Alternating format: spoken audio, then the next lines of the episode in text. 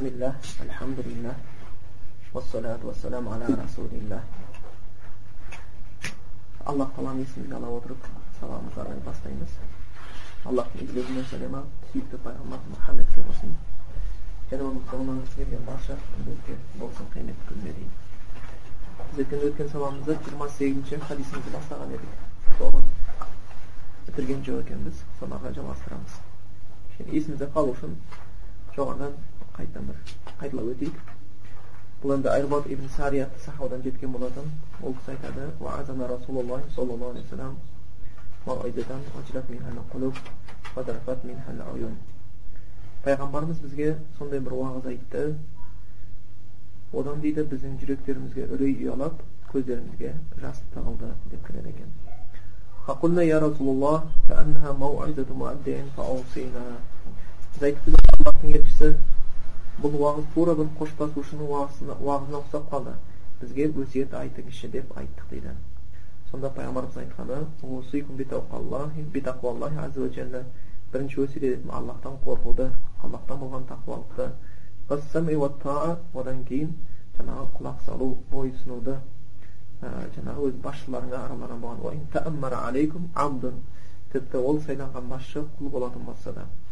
فإنه من يعيش منكم فسيرى اختلافا كثيرا сендерден қайсы бірің өмір сүрген болатын болса онда ол көреді көптеген келіспеушіліктерді көптеген бір бүліктерді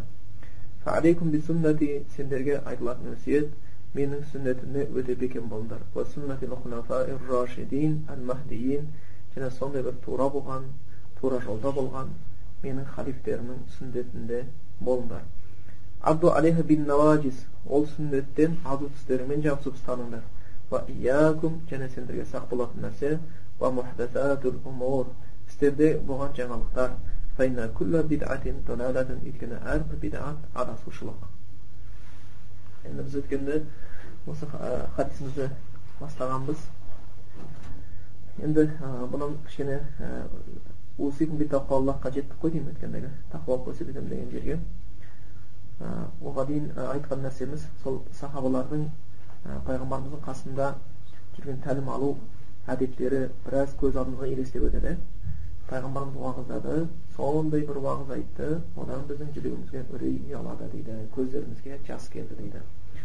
Ол кездегі енді әлбетте пайғамбарымыздың қасында біз болсақ пайғамбардың айтқан сөздерінен біздің де жүрегімізге үрей ұялап біздің де көзімізге жас келер еді деп ойлаймын. Өйткені шынымен де аллахтың сөзін жеткізуші аллахтың дінін үйретуші пайғамбардың артында ешкім жоқ ол жағынан енді екінші жағынан алған кезде бәрі сол аллахтың сөзі сақтаулы пайғамбардың сөзі сақтаулы бізге жетті аллахқа сансыз мақтау болсын біздің мұсылман болғанымызға және аллахқа сансыз мақтау болсын соның ішінде біз сол пайғамбарымызға үмбет болғанымыз үшін бірақ енді ол кісінің сөзі де жетті аят та жетті қазіргі кезде енді бір ұмытылып жатқан нәрсе ол осы құран аяттарынан сол сахабалардың жүректеріне үрей ұялағандай үрей ұялай ма біздің жүректерімізге болмаса пайғамбарымыздың өсиеттерінен көзімізге жас келе ма жас келмей ма ол өзінше бір бөлек мәселе болып келеді екен өйткені бұл өмірдегі дейді мұсылманға алла сақтасын енді тек қана мұсылман емес мұсылман еместердің ол жазаға ұшырап қойған ең үлкен қатты жаза ол жүректің қатайып қалуы дейді ең үлкен қатты жаза ол жүректің қатайып қалса үшін құранымызда бар жүректері қатайғандар деп сипаттап келеді. Болмаса көздері соқыр болғандар деген сияқты. Олардың көздері соқыр емес бірақ кеуделеріндегі жүректері соқыр деп кеткен болатын. Сондықтан бұл аллахтан сұрайтынымыз шынымен де осындай аллахтың аяттарына деген сондай бір қатты жүрегіне өткізе білетін сол таза жүректі аллах бізге бізге нәсіп етсін. Аллах тағала құранда да сипаттаған мұсылмандарды иман келтіргендер дегендеріміз дейді да бұл аят енді тек сахабаларға емес барша қияметке дейінгі үмбеттерге қатысты болып келеді деп келеді яғни құдайға иман келтіргендер кімдер еді олар сондай аллах еске алынса аллах зікір етсе жүректерінде үрей пайда болады жүректері аллахтан қорқа бастайды деп келеді егер құран аяттар оқыла бастаса имандар артады дейді яғни құранды жай тыңдамайды оны тыңдаған кезде аллахтың сөзі екенін сезіп имандары тартып отырады деп бізге аллах тағала құранда мұсылмандар сипаттаған екен ол сияқты аяттар құранда көп иә ол сияқты аяттар құранда көп деп жаңағы хаж сүресінде келеді олар сондай бір мұсылмандар егер аллахты еске алынатын болса жүректеріне үрей келеді деген екен сол үшін шынымен де мұсылман баласына енді аллахтың сөзінен артық сөз жоқ мұсылман бала үшін пайғамбардың сүннетінен артық бір сүннет жоқ болып табылады екен егер де жүрегіміз қатайып бара жатқан болатын болса одан да барынша аллахтан пана сұрауымыз керек өйткені айттық адамға берілетін үлкен қасіреттің бірісі жүректің қатаюы болып келетін суфиян сеури өзі шәкірттермен болған кезде айтады мен бір күнә жасап едім түнгі тәхәжүд намазының ләззатынан ажырап қалдым дейді да тәхәжүд намазда тұрмай қалдым деп жатқан жоқ және парыз намаздардан кейін ең абзал намаз не түнгі намаз соның ләззатынан ажырап қалдым дейді енді шәкірттері суфиян севриді жақсы білетін еді олар уайымдап ұстазынан сұрайды ұстаз ол қандай күнә екен бізге айтсаңыз біз де сақ болып жүрейік деген кезде суфиян севри айтқан екен мен мешітте бір кісіні көрген едім жылап отырған әй бір рияшыл мақтанып жылап отырған елге көрсетсін деп ойлаған едім дейді соның салдарынан түнде құлшылықтың ләззатынан ажырап қалдым. Дейді шынымен де мұсылман мұсылманға келген кезде осы жерде өте үлкен сақтық жасау керек. Өйткені өзі шайтан мына екі нәрсені қатты жасағысы келеді бірінші таухидтың жолын тосады өйткені таухид жоқ адам намаз оқысын ораза ұстасын зекет берсін ол дозаққа түсіп кетуі мүмкін.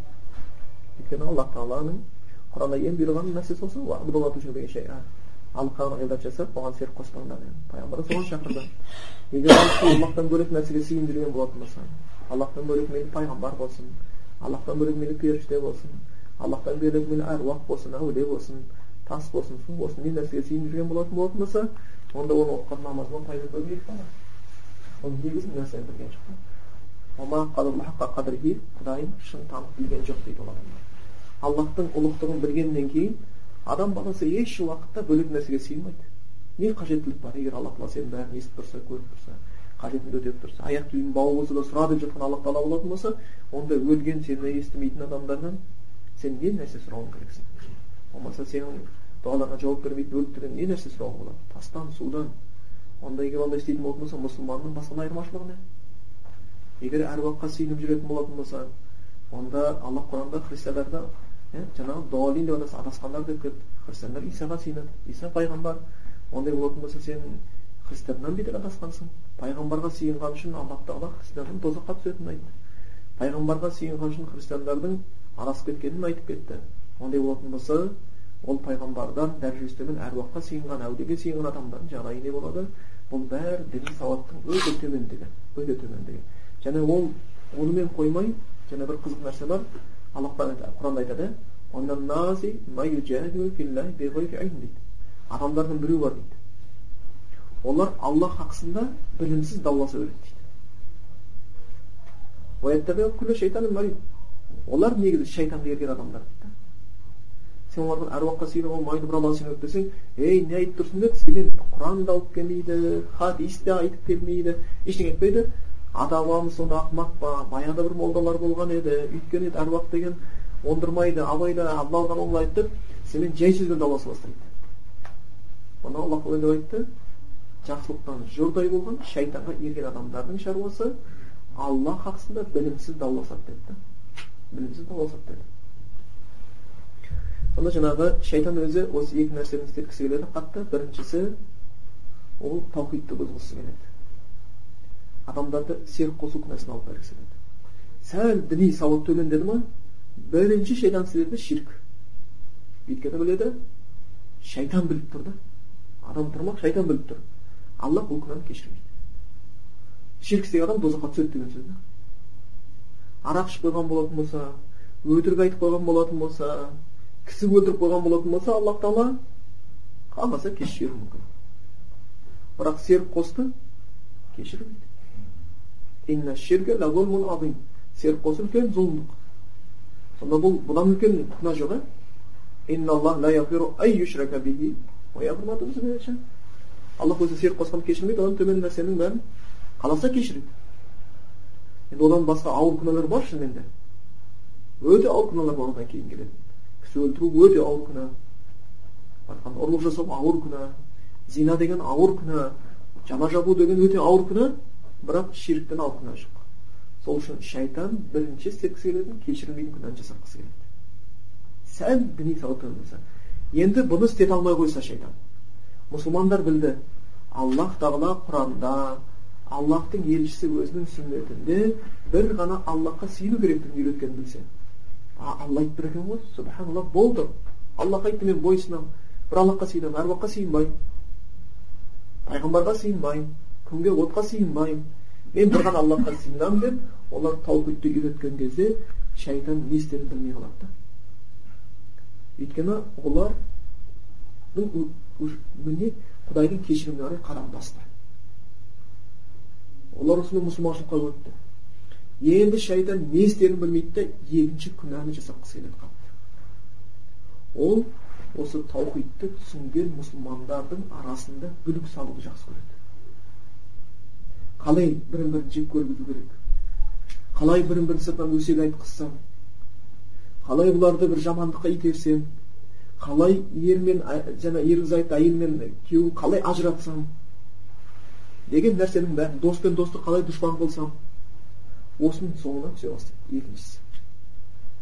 Сонда жаңағы суфиян сеури мешітте тұрған бір адам туралы жаман ойладым деген үшін рия жасап жатыр деп құлшылық жасап мына дейді ал енді шайтан бауырың туралы жаман сөзге алып барып бауырың туралы жаман ойға алып барғаннан кейін ол адам онда қашан құлшылықтың ләззатын табады қашан ол құран оқыдырып көзіне жас келуі мүмкін қашан ол намазда рахаттануы мүмкін кей кезде келеді иманы әлсіреп кетті ме что то бұрынғыдай болмай қалдым бұрынғыдай болмай қалдым дейді байқаңыздаршы жаңадан мұсылманшылық қабылдайды бір адам ол ештеңеден қорықпайды да жаңадан мұсылманшылық қабылдаған адам әрбір мұсылманға құшағы ашық болады күдіктенбейді бәріне ассалаумағалейкум деп тұрады. біраз уақыттан кейін не қатая бастайды қатая бастайды кімсің қайдан боласың деген сияқты кете бастайды екен. сол үшін шынымен бұл не болса соны істей бер деген мақсат емес. яғни істеп жатқан ісіңде сөйлеп жатқан сөзіңде ықтияттылық болу керек деген мәселе болып табылады екен. Міне сол үшін ә, жаңағы мұсылмандардың жүрегі қатайып кетпеу үшін мұсылмандар бір біріне де өте ықтият болу керек таухид ұстағаннан кейін бауырмалдық бұл хадисте пайғамбар жеткен пайғамбар айтқан иә жаңағы жәннатқа кіре алмайсыңдар иман келтірмейінше ал бір бірін жас көргенше иман келтірген болмайсыңдар бір біріне байлап қойды. Таухид пен бауырмалдық жәннатқа кіргің келсе таухид керек иман керек иман керек жәннатқа кіру үшін иман керек болса бауырмалдық керек. Бауырмалдық күшеймейінше иман да күшеймейді бауырлар бірін не болса соған еріп жүре беретін болса иман әлсірейді кәдімгідей иман әлсірейді екеуі бәрі біріне байланған дүние бауырмалдық пен иман біріне байланған дүние ол табылады екен мына пайғамбарымыз сондай уағыздады біздің жүректеріміз елжіреді көзімізге жас келді деп келеді ол кездегі сахабалардың жағдайы енді шынымен де аллах тағала біздің де сондай жүрегімізді қатайып қалуынан сақтасын осы құран аяттарын түсініп пайғамбардың сүннетте еруді нәсіп етсін баршамызға. Кейін айтып дейді аллахтың елшісіне иә аллахтың елшісі бұны қоштасу уақытына қоштасып жатқан адамның уақытына ұқсады яғни адам қоштасып жатқан адам ең керек сөздерін ең маңызды сөздерін айтуға тырысады. Бұдан кейін болмай қалатын болдым ғой деген сияқты ең керектісін айтады. Пайғамбарымыз сондай уағыз айтқан екен сахабалар жылап жіберді пайғамбарымыз сондай уағыз айтқаннан кейін жүректеріне үрей ұялады. Олар ойлады пайғамбарымыз осыдан кейін көрмей қаламыз ба? Қоштасып жатырық па? Не болып қалды екен? Аллахтың елшісі бізге өсиет қалдырыңыз бізге өсиет қалдырыңыз деді соны орындау үшін. Сонда пайғамбар мұхаммед мұстафа соны айтты пайғамбарымыздың ең бірінші бұйырған өсиеті тақуалық. Аллахтан қорқу. Ұлы алла тағаладан қорқуды өсиет етемін деді. Бұл негізі өсиеттің үлкені. Жүрекке тақуалық келмейінше көп нәрсені біз бара алмаймыз тақуалық дүниенің де ақыреттің де берекетін алып келеді құлшылықтарымыздың қабыл болып жатқаны қабыл болмай жатқанына тақуалыққа байланысты алла құранда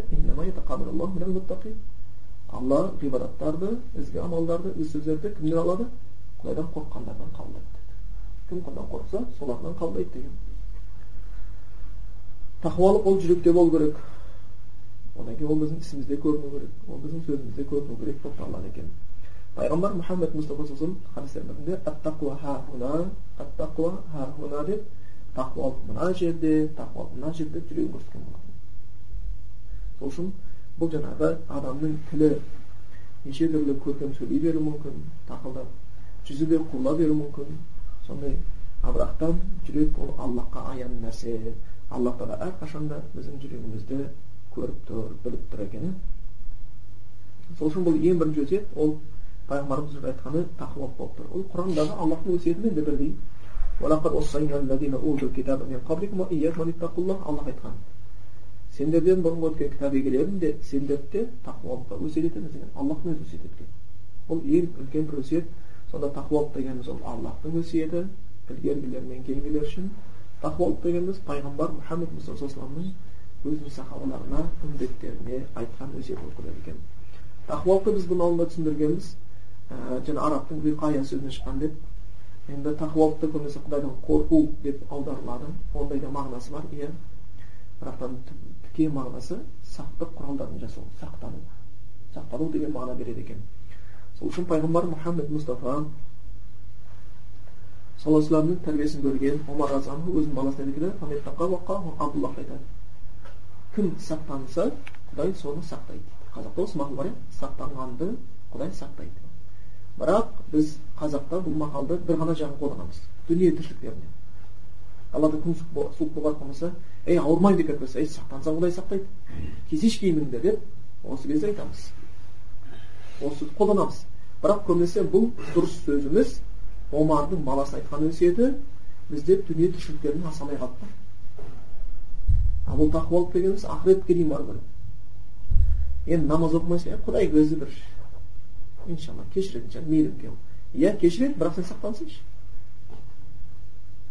сен сақтансайшы күнә істеп жатсаң енді құдай өзі кешіреді бірақ сен сақтансайшы тақуалық жасасайшы әрекетін жаса былай айтқанда күнәдан жасап алып аллахтың мейіріміне үміт ету бұл ақылды адам шаруасы емес ақылды адам ізгі амал жасайды одан кейін үміт етеді да одан кейін барып үміт етеді аллахтың мейірімінен ал қараптан қарап отырып құр жалған үмітпенен болмайды екен али разиаллаху айтқан сияқты кімде кім амал жасамай жәннатты үміт ететін болса ол адамды жынды деп айта берсеңдер болады дейді да сәйкес емес та не намаз жоқ не таухид жоқ не ораза жоқ тағы жәннатқа кіргісі келіп отыр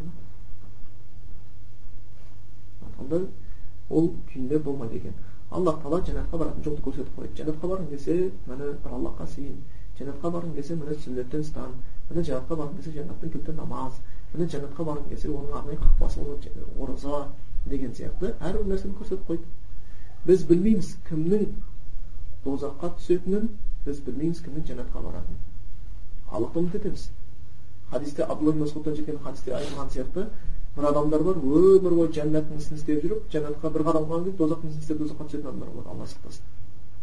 Бір адамдар бар өмір бойы дозақтың істеп жүріп дозаққа түседі ау деген кезде жәннаттың істеп жәннатқа кіретін адамдар да бар. А біздің қанша өміріміз қалды?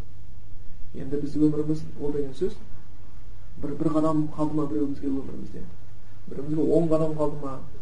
Біздің айтқанда ар жағында жәннат жақын тұр ма? Тозақ жақын тұр ма? Ол аллахқа мәлім дүние бірақ аллахтан сұрайтынымыз жәннат тозақтан сақтау деген мәселе болып келеді екен аллах құранда сол үшін айтады кімде кім тозақтан құтылып жәннатқа кірсе міне ұтқан адам сол дейді да бүкіл өмірдің мәні осыған келтіріледі біздің сүрген өміріміз жәннатқа лайықты болып кететін болса онда біз өмір сүрдік онда біз адам ұқсап өмір сүрдік егер біздің сүрген өміріміз жәннатқа кіргізбесе онда біз мал құсап ішіп жедік тіпті малдан біздің халіміз төмен болады өйткені малдар ғой қазір сиыр бар қой бар ит бар құс бар жылан бар құлан бар олар да өледі біз өлген сияқты олар да ішіп жеп жатыр біз ішіп жеген сияқты олар да көбейіп жатыр бұзаулап жатыр құлындап жатыр лақтап жатыр қосылып жатыр біз де көбейіп жатырмыз біреу бала сүйіп жатыр біреу немере біреу шөбере көріп жатқандар бар бірақтан олар да өледі біз де өлеміз бірақ қияметтің күнінде олар топыраққа айналады ал адам топыраққа айналмайды не тозаққа не жәннатқа кетеді да сонда ол жағдай малдан төмен болып қалады да малдан төмен болып қалады бұл өмірдің бар несі жәннатқа лайықты болатындай өмір сүру болып табылады екен енді біз білмейміз кімнің жәннатқа кіретінін кімнің тозаққа түсетінін бірақ белгілері бар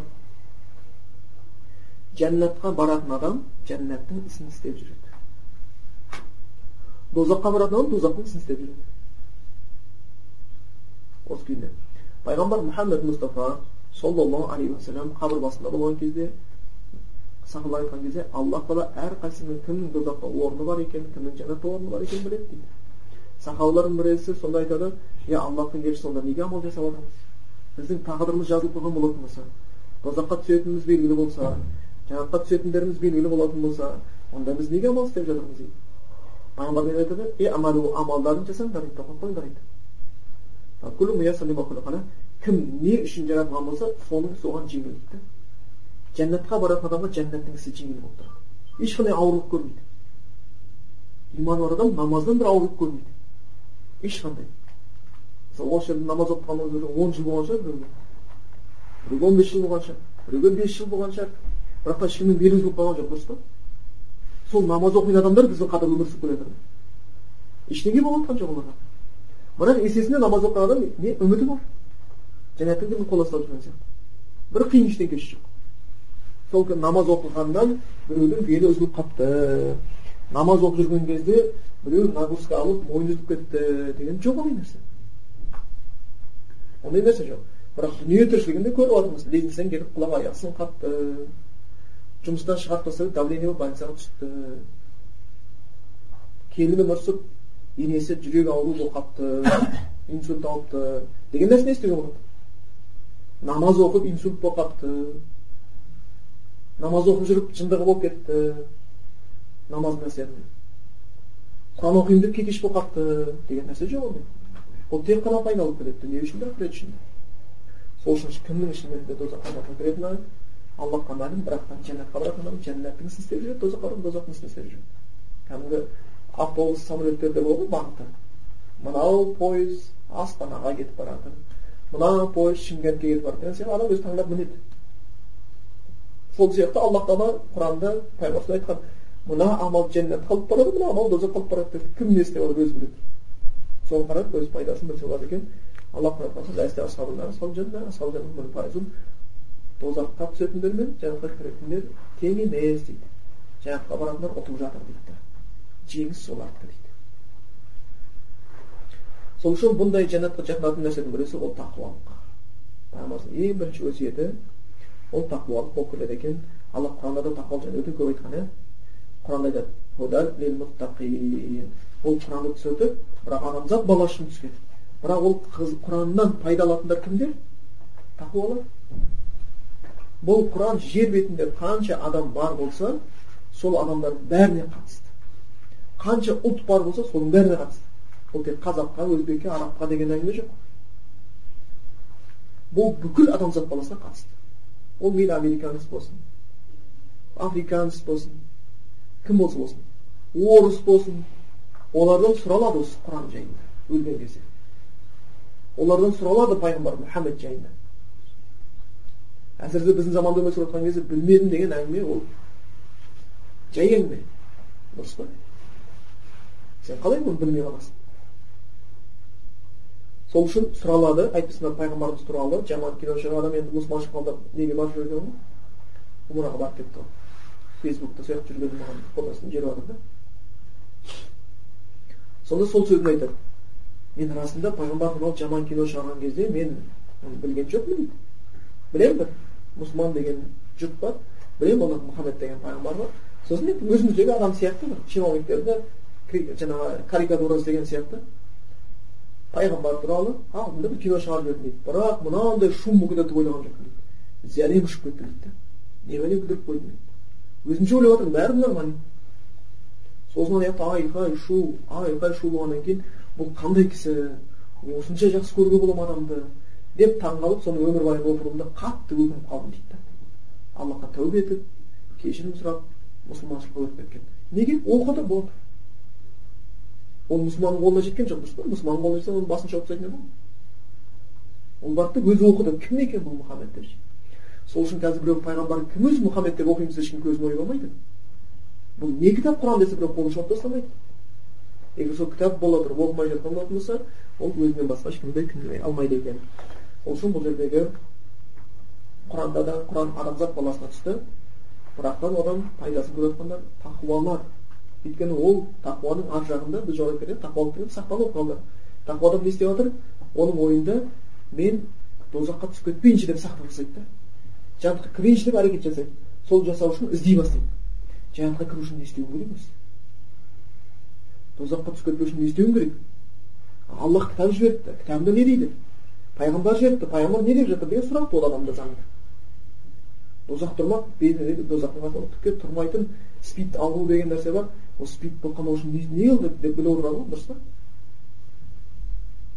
спид болып қалу үшін бүйту керек спид болып қалу үшін сөйту керек деп кәдімгі әрекет қылады ал енді тозақ одан да қиын нәрсе. Оған әрекет қылу керек. Оның қамын жасау керек. Адам баласы. Енді осы жерден алып қарайтын болатын болсақ бұл тақуалықтың беретін нәрсесі жемісі өте көп. Тақуалық тек қана ақырет емес дүниеңді реттей бастайды. Дүниеңді реттей бастайды. Алла құранда айтты біліңдер аллахтың сондай бір жақын құлдары бар әулие құлдар бар оларға қауіп жоқ олар уайымдамайды олар иман келтірді және тақуа қылушы құдайдан қорқушы еді аллах айтады міне құдайға иман келтіріп тақуалық қылған құлдарға бушро сүйінші дейді сүйіншінің ішінде бәрі тұр е адам саған сүйінші деп звондаса сен а не болып қалды дейсің ғой беремін сүйіншіңді айтшы айтшы деп тұрасың ғой аллах айтып отыр сүйінші дейді да сүйінші иман келтіріп тақуа болғандарға және тек ақыретте деп жатқан жоқ алла фил дүниенің өзінде сүйінші дейді ахира ақыретте сүйінші дейді осымен уже қуантатын сөз айтылды сүйінші ол сүйіншіні аллах айтып отыр. Және ол сүйінші тек қана ақыретте емес мәңгі өмірде ол да керек. Бұл ең маңызды. Мынау уақытша өмірдің өзінде сол сүйіншіні беремін деп жатыр осындай аят біткен сияқты. Бірақ аллах не аллахтың сөзін ешкім өзгертпейді. Болды. Егер сенде екі қасиет болатын болса иманың дұрыс болатын болса және тақуалығың бар болса сен екі дүниеде бірдей бақытты боласың деп аллах қойды. Бұл өзгермейді дейді да болды. Бұл ешкім өзгерте алмайды дейді болды. Бұл хақ. Алла де сондай иманы дұрыс тақуалығы бар құлдардың қатарынан болуымызды баршамызға нәсіп етсін дүние ақыреттің бақытына жету үшін. Расында ол үлкен бір жетістік деп келеді екен. Құранда кім деген аллахтан қорқатын болса оған әрқашанда шығатын жол болып келеді. Мұсылманда проблема болуы мүмкін бірақ мұсылманда проигрыш жоқ. Қалай болмаса. Былай қылсаң да сен сен әйтеуір гол салып жатсаң былай қылсаң да сен гол салып жатрсың да бәрі. Ешуақытта ұтылмайды екенсің. Сонда мұсылман адам да бұл өмірде болғаннан кейін пайғамбар өзі хадисте айтады аллахқа иман келтірген мұсылманның жағдайы таң қалыш деп қояды да. Жақсылық жетсе де сау болады жамандық жетсе сау болады қиындық жетсе сабырлық көрсетсе сау болып кетеді жақсылық жетсе ташекара шүкір қылады сау болып кетеді және бұл тек иман келтіргендерге дейді тек иман келтірген құлдарына болады екен дейді құдайдан қорыққандар тақуалық қылғандарды аллах нәтижесін беріп рызық береді бұл өзі таң қалатын нәрсе рызық нәсібе деген шынымен де қарап отырасың ғой бір өзі дүниеде таң қалатын нәрсе көп сондай бір тақуа адамдар бар. Ешкім ойламайды бірақ аллах тағала береді да осы астанада болған сондай оқиға дәл тура сондай оқиға жақында менің үлкен жолдасымның ағалары бар еді. Солардың достарымен болған оқиға бір орыстың енді квартира ғой баяғы сол жалдап мұсылмандар бір орыс кемпір үйіне квартира жалдайды бүйтеді бүйтеді тұрады. Бірақ олар таза да жігіттер семья. Тақуалық қылып бүйтіп анаған кемпірге де зиян қылмайды ақшасын уақытысында төлеп деген сияқты. Сөйтіп жүргенде олардың жүрген тұрысынан ана кемпір қатты әсерленеді. Қатты әсерленеді да мен мұсылман боламын дейді. Мұсылманшылық қабылдайды. Енді олар біресе ана квартираға тығылып квартираға тығылып жүрген жігіттер ғой. Сосын олар үйретеді ойларында ештеңе жоқ. Сосын бұл үйіндегі иконаның бәрін алып шығар балаға лақтырып өртеп тастайды. Оған орыс көршілер деген бәрі сен жындысың деп. Жек көріп бірден амандаспай қояды. Қарасақ бұл өлер кезінде енді жақындаған тұрған кезде бүкіл туған туысы көршілері орыстардан уже жек көрінішті болып қалды да қарасаң аллах үшін.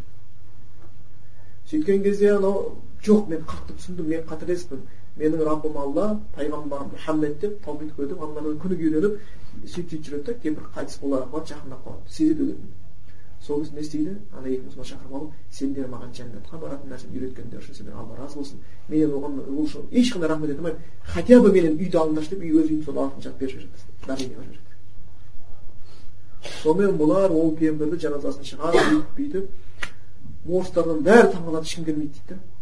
Сол жаңағы кемпірді жаназасын шығарып айттық ей мынау мұсылман болды осындай болды дедік дейді танитын танымайтын мұсылмандар қаптап кетті дейді.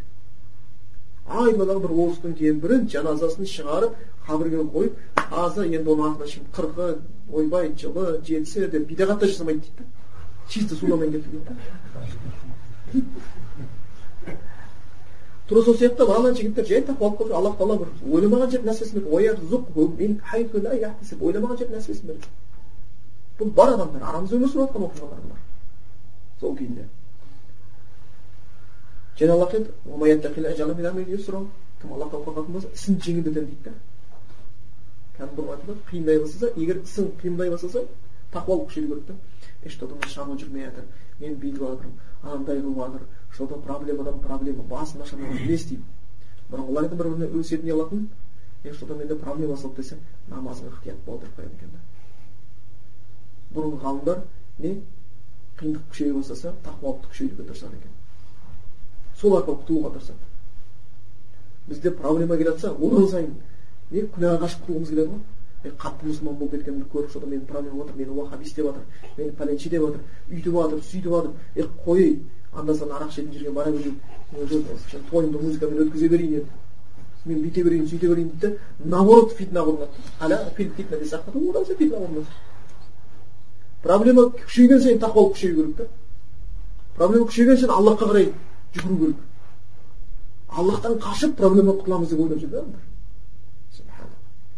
аллах құдайдан қорық шығатын жол тауып беремін деді аллах тағала өз панасына алушы біз жаңағы мұхтар шанқити деген медина қаласында білесіздер ғой фақих кісі. Сол кісі сабақ үстінде бір өзі сирек айтады да ол кісі. Өте сирек айтады бір қиссаны айтып береді ілгергі мұсылмандардың дінді жақсы тану сүннетті тануға байланысты ғой. Өйткені мына жерде қазір сүннет келеді мұсылмандар мен кәпірлер соғыс болды дейді сосын кәпірлер басым болып мұсылмандар соғыста не істерін білмей қоршауға алып кетеді бұлар бәрін қоршауға алады да енді шабуыл жасап қырып тастау керек сол мұсылмандар тұра тұра не істейміз қазір бәрі өлетін сияқтымыз дейді ақырында шайқасамыз бірақ енді біздің ойымызша тырғалатын ешкім қалмады енді не істейміз деп тұр да бәрі сөйтсе бір сахаба айтады дейді мен бір хадисте айтады пайғамбар мұхаммед мұстафа саллаллаху алейhi вассалам өлейін деп тұрмыз деген кейін өлетін пайғамбар өлген кездегі хадистен еске алып да пайғамбарымыз өлетін кезде мынандай сөз айтыпты пайғамбарымыздың өлетін кезде ең соңғы істеген ісі ісі тісін тазалапты мисуактан иә солай ма депті да бәрі жаңағы мисуактарын алып алып ағаштарды шығарып алып тістерін тазалай бастапты да мушриктер қоршап тұр кәпірлер сөйтсе мұсылмандар алып алып тістер бүйтіп тазалап жатыр дейді да енді ойлаңын кәпірлер не ойлайды непонятка да қоршамаған қараса енді аналар мисуактерін түсінбейді ағашты алып алып дейді сосын тұрып тұрып айтты мыналар что то ағаш жей бастады деп е онда бұлар страшно депті онда бұлар жынданды деген қырады деген да соны жайлап жайлап алады тастап қашып кетті сонда бір сүннет өзі берекет алып келеді да тақуалық бұл сүннет деген нәрсе керекті нәрсе болып табылады екен соған берді одан кейін жаңа бұйырғаны құлақ салу және бойұсыну кімдерге бұл мұсылман басшыларына мұсылмандар өз арадан бір басшы сайлады ма мұсылманшылықта мына нәрсе бар мұсылман емес елде басшыны сайламағаннан кейін бір оппозиция деген пайда болады да өздерінше ол нормальный деп қояды демократия деп қояды патшалардың келек ету басқа қылу айыптарын қайта қайта әшкерелеу деген сияқты осымен айналысады мұсылманшылықта ол істелінбейді мұсылман адамдар өз басшысын сайлағаннан кейін басшылардың кемшілігін жазады жақсылығын асырады егер де ол қатты бір кемшілікке бара жатқан болатын болса онда насихат жасайды. Насихат біз бұл алдында сабағымызда өткенбіз иә? Тура осы хадисте өткенбіз. Дін дегеніміз насихат. Келген хадисте дін деген насихат деп келгенде кім үшін дегенде алла үшін кітап үшін ел үшін және мұсылман басшылар үшін деп келеді насихат бірінші шаман келсе өзің барасың да айтасың мұсылман басшысына егер сен бара алмасаң онда сен бара алатын адамда өтініш жасайсың осылай қылсыншы егер оған шаман келмесе сен не істейсің хат жібересің егер оған шаман келмесе сен не қыла бастайсың дұға қыла бастайсың көшеде демонстрация газетке бүйтіп жатыр қанымызды ішіп жатыр жеп жатыр деген нәрсе жоқ құлақ салып бойсыну керек бойсұнбаушылық тек қана қандай нәрседе күнәға бұйырған кезде ғана болады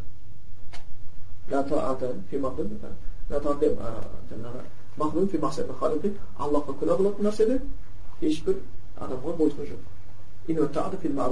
бойсыну жақсы нәрселер дейді бойсыну жақсы нәрселерде болып келеді екен ал енді өте сирек қой патшалар жамандыққа бұйыратын намаздарыңды тастаңдар деген сияқты ораза ұстамаңдар деп ондай нәрсе жоқ қой егер олай қылса намазын оқи береді адамдар оразасын ұстай береді ондай нәрсе істей береді ал енді патшада кемшілік болса да шариғаттың бұйыратыны хадистерде келеді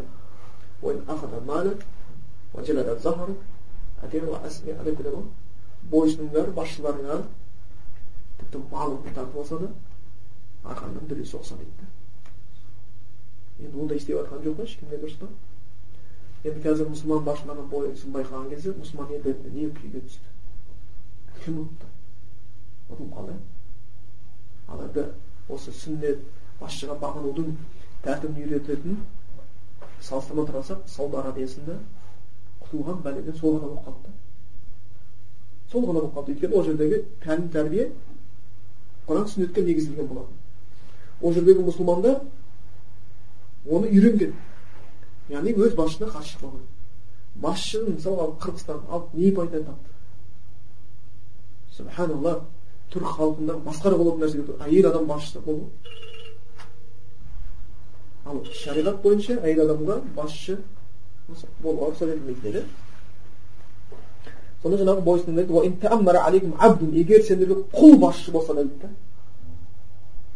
енді айналып құл деген сөз лайықсыз адам патша сайланып қалса бұл патшалығы мойнына алса бойсын дейді да болды енді құл патша бола қоймайды яғни сондай лайықсыз адам келіп қалса да бойсын деп жатыр да сені күнәға бұйырып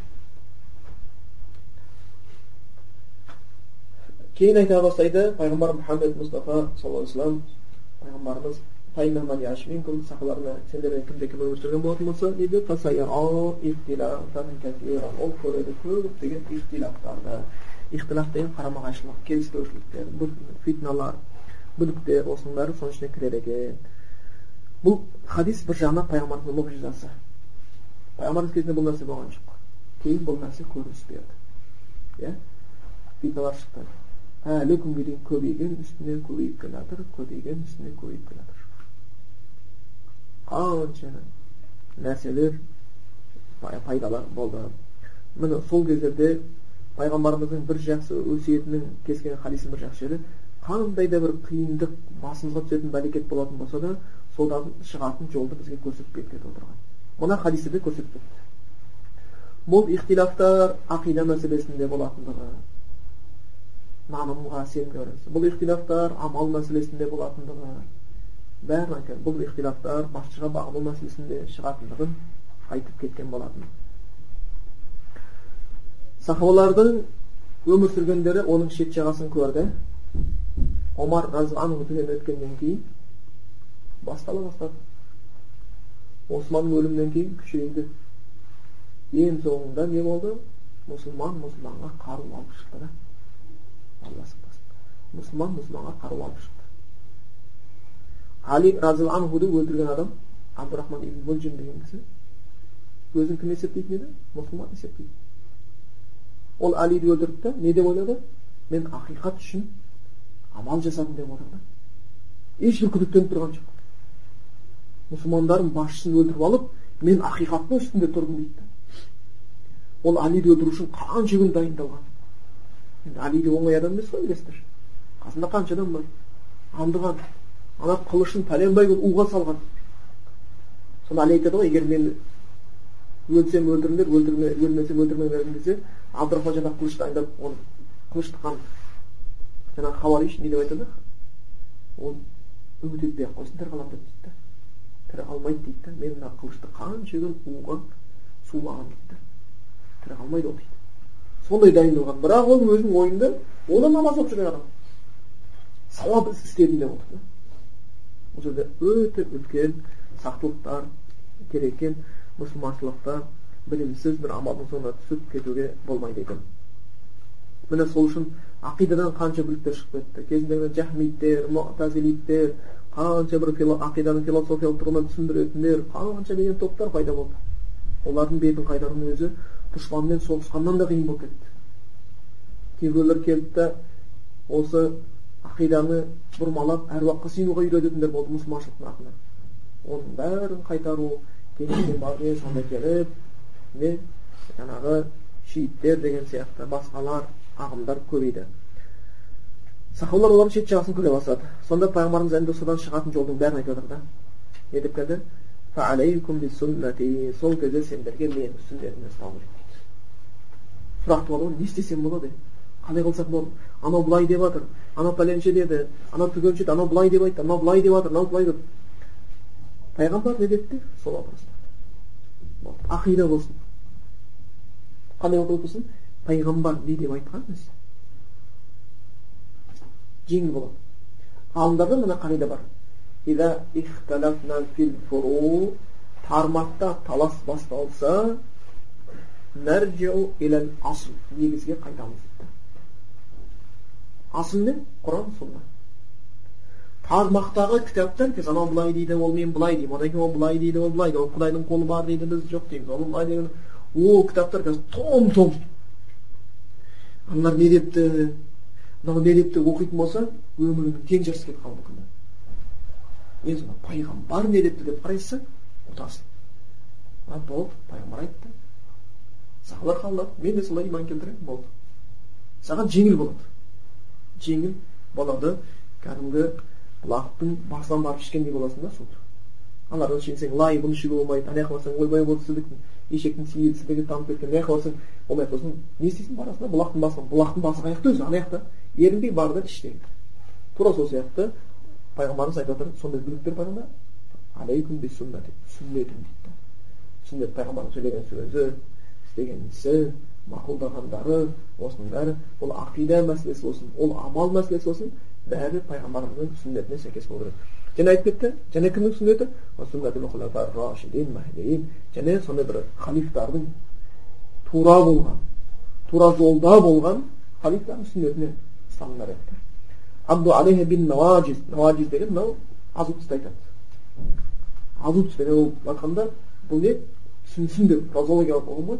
Күшейтпен түрде барып хадис кітабын бүйтіп істеп отыр деген сөз емес ол ол не сүннеттен мықтылап ұстаныңдар қатты мән беріңдер деген күйде береді екен амал жасаңдар оған ықыласпен амал жасаңдар деп береді және сүннет кімдердікі әділ болған рашид болған рашид деген тура болғандар мәхдиин тура жолда болғандар енді олар әлбетте тура жолда болған екен олардың сөзінің бәрі рашид болады оларға көбінесе кімді кіргізеді төрт халифті кіргізеді иә пайғамбарымыздан кейін болған абу бәкір сыдық омар осман али осы халифтер кіргізеді хадисте соған кейбір ғалымдар дәлел келтіреді менен кейінгі халифа отыз жыл деген да кейбір ғалымдар пайғамбарымыздың немересі хасанды да кіргізеді жалпы пайғамбарымыздан кейін абу бәкір сыдық халифа болды екі жыл үш айдай одан кейін омар разиаллаху болды ол кісі қанша он жыл алты айдай болды бір халифа одан кейін осман болды он екі жыл халифа қылды одан кейін али болды али төрт жыл тоғыз айдай халифалық қылды енді бәрін қосқанда бір шамамен сол отыз жылға тақайды ар жағында бір төрт ай бес ай жетпейді бірақ хасан әкесі өткеннен кейін төрт бес ай халифалық болған халифалық қылған соны қосып осы бес адамды кіргізетіндер бар бес адамды кіргізетіндер бар бірақ көбісі мәшһүр болғаны төртеуі төртеуі де жәннатпен сүйіншіленген адамдар абу бакр омар осман али деген төрт кісі болып келеді екен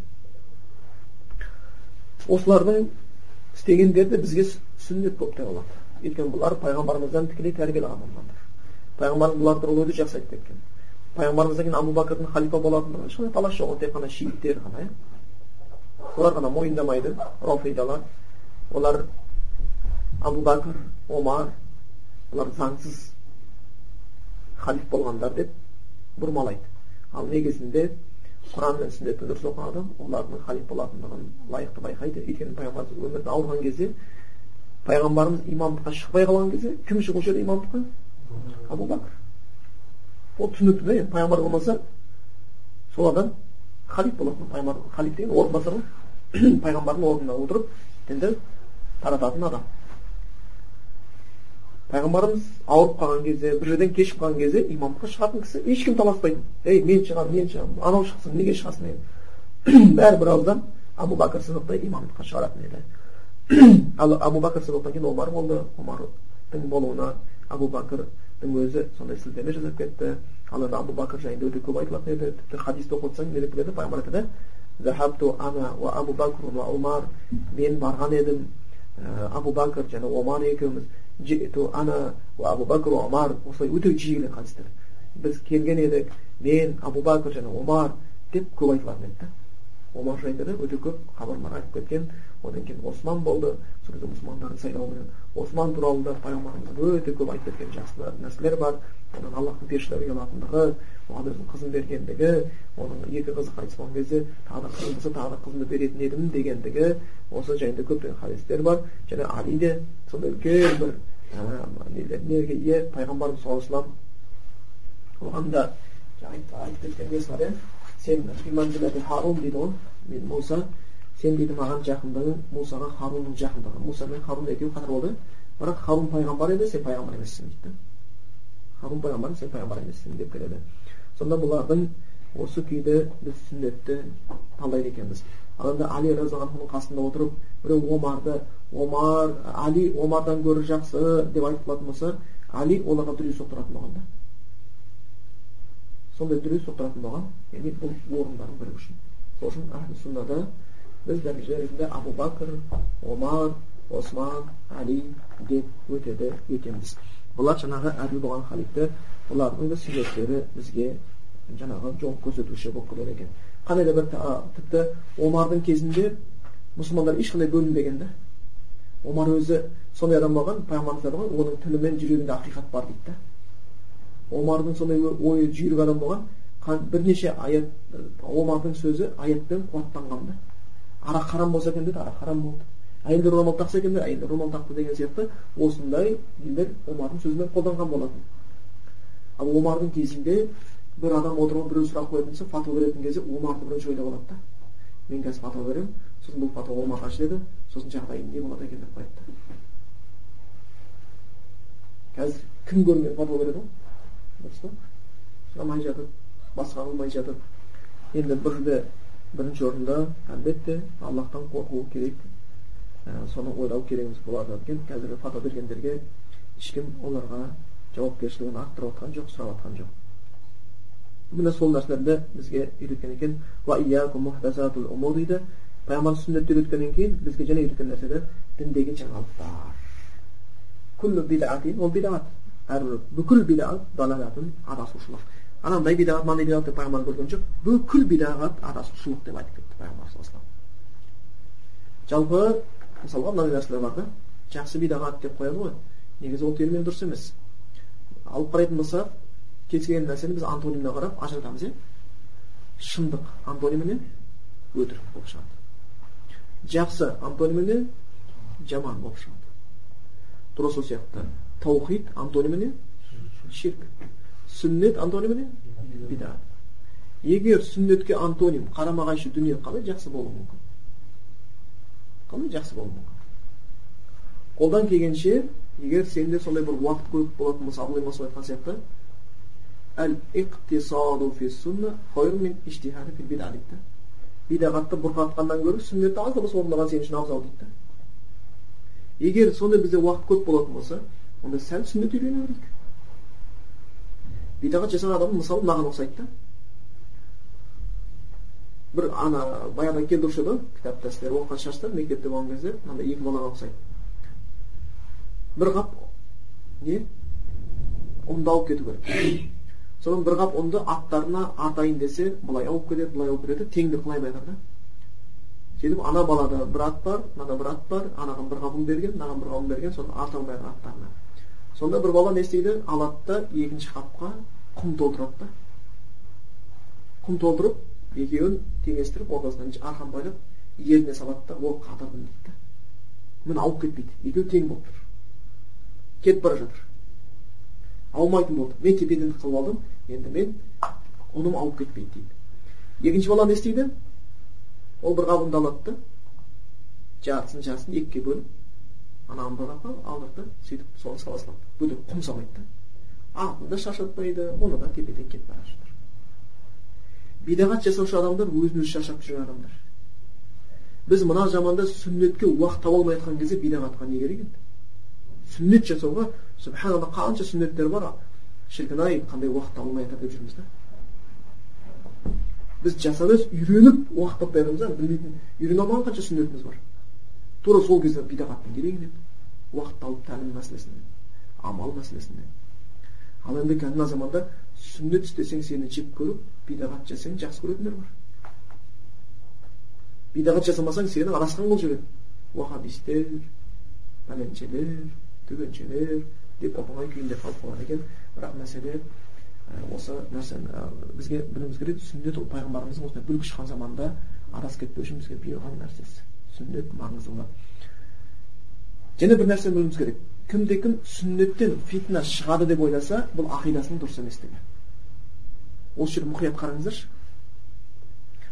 Сүннетте фитна бар деген адам ақидасы дұрыс емес. Сүннет деген не нәрсе? Сүннет деген пайғамбардың сөзі. Сүннет деген пайғамбарымыз деген ісі бұйырғаны мақұлдағаны.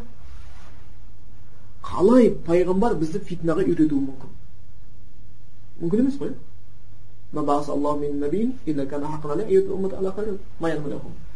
аллах қандай бір пайғамбар жібермесін оның міндеті халыққа тек қана хайырлы нәрсені үйрету да пайғамбардың әрбір сүннетінде берекет бар әрбір сүннетінде жақсылық бар біз білуіміз мүмкін білмеуіміз мүмкін сахабалар сол үшін пайғамбарымыз әрбір ісіне ұқсаған ұйықтағанда пайғамбар сияқты ұйықтағысы келді су ішкенде пайғамбар сияқты су ішкісі келді жүргенде пайғамбар сияқты жүргісі келді сөйлегенде пайғамбар сияқты сөйлегісі келді бүкіл нәрсені тіпті дәрет алған кезде пайғамбар қанша су жарады сонша су жаратқысы келді. Артық жаратқысы келмеді дұрыс па? Соған дейін көңіл бұрды. Соған дейін көңіл бұрды олар. Енді бұл сүннетте берекет егер кімде кім сүннетті істеуде фитна бар бүлік бар деп ойласа ол әлі сүннеттің не екенін білген жоқ. Ол ақиданы қалыптастырған жоқ. Сүннетте фитна бар деп айтқан адам әлі ақидасы дұрыс емес. Сүннетте фитна жоқ бірақ біз көріп жатқан заманда фитна шығып жатыр ол сүннеттен шығып жатқан жоқ ол фитна екі нәрсенің біреусі бірінші сол сүннетті бөтенсіп қалған адам бидағатшылардың оны қабылдауынан қабылдамауынан шығады түсіндіңіздер ғой е не біледі анау олай істеген жоқ құртсайшы мына сақалыңды оны не біледі ау жап жас болып деген сияқты бірінші яғни сүннетті ұмытқан адамдардың салдарынан шығады солар шығарады екінші себеп сүннетті орынсыз істеген сүннетпен жүрмін деген адамдардан шығады түсіндіңдер ғой екеуі де бар сүннеттен бүлік шықпайды сүннетті орынсыз жерде жасаған кезде бүлік шығуы мүмкін осы екеуі де бар осыны ажырап алу керек сонда бұдан не шығады сүннетте фитна жоқ фитна неден шығады сүннетті бөтенсінген адамдардан шығарады екі болмаса сүннетті бөтен жерде орынсыз жерде жасағандардан шығады содан ғана фитна шығуы мүмкін. Яғни ол сүннетті біліп тұр бірақ орынсыз істеп қойды асығыс істеп қойды таухидты үйретпей жатып төрт қатынды айтып алады ғой. Енді одан бүлік шығады әлбетте. Дұрыс па? Құдайдан қорықпаған адам әйелін қайтсын құдай қақсын қайтсын ол. Ертең одан бүлік шығады семья ажырасады басқа қылады. Сол сияқты кәдімгі сүннеттің өзінде бір тәсілдер бар. Ә, жаңағы уағыз айтудың өзінің сүннеті бар.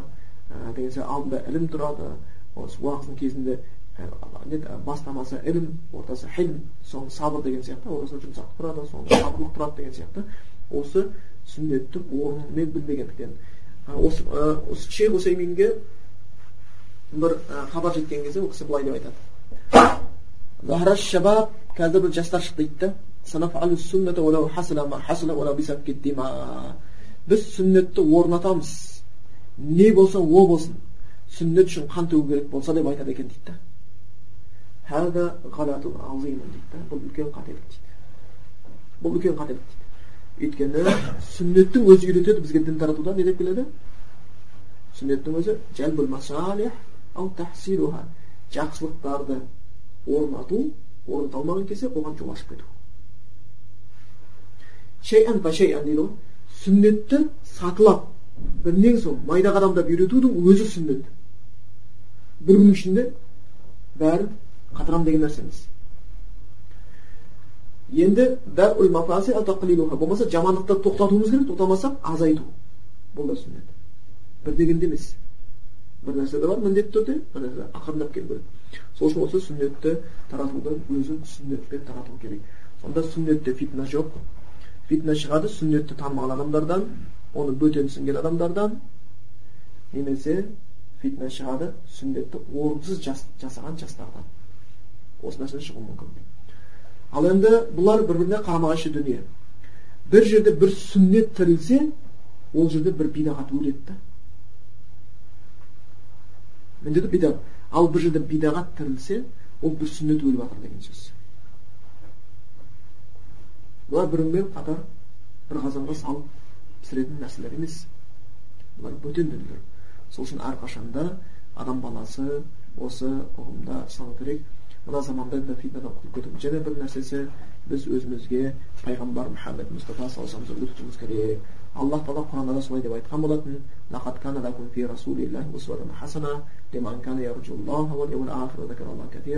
Расында сендерге аллахтың елшісінде көптеген үлгілер бар. Егер кімде кім қалайтын болатын болса аллахтың ризашылығын ақыретте жақсы жағдайға барайын аллахты көп зікір етемін деген адам болмасақ онда пайғамбарды өзіне өсиет тұтсын дейді. Әрқашанда бір пайғамбардың сөздерін өсиеттерін өзімізге өсиет тұтуды міндет қылып алғанымыз жақсы болып табылады екен. Аллах тағала мына бір фитна қаптаған қаптаған заманда бізге дұрыс ілімді нәсіп етсін бізге ақиқатты ақиқат қылып көруді нәсіп етсін оған еруді нәсіп етсін өтірікті өтірік қылып көруді одан сақтауды нәсіп етсін барша жер мұсылмандарға жәрдем етсін олар арасында бауырмалдығын арттырсын алла тағала бізге сол сүннеттен көптеген ілім үйретсін сүннетпен жүруді нәсіп етсін жәннатқа кіруді нәсіп етсін қателіктерімізді кешірім етсін алла тағала біздерді бидағаттың кесапатынан адасушылығынан сақтасын субханака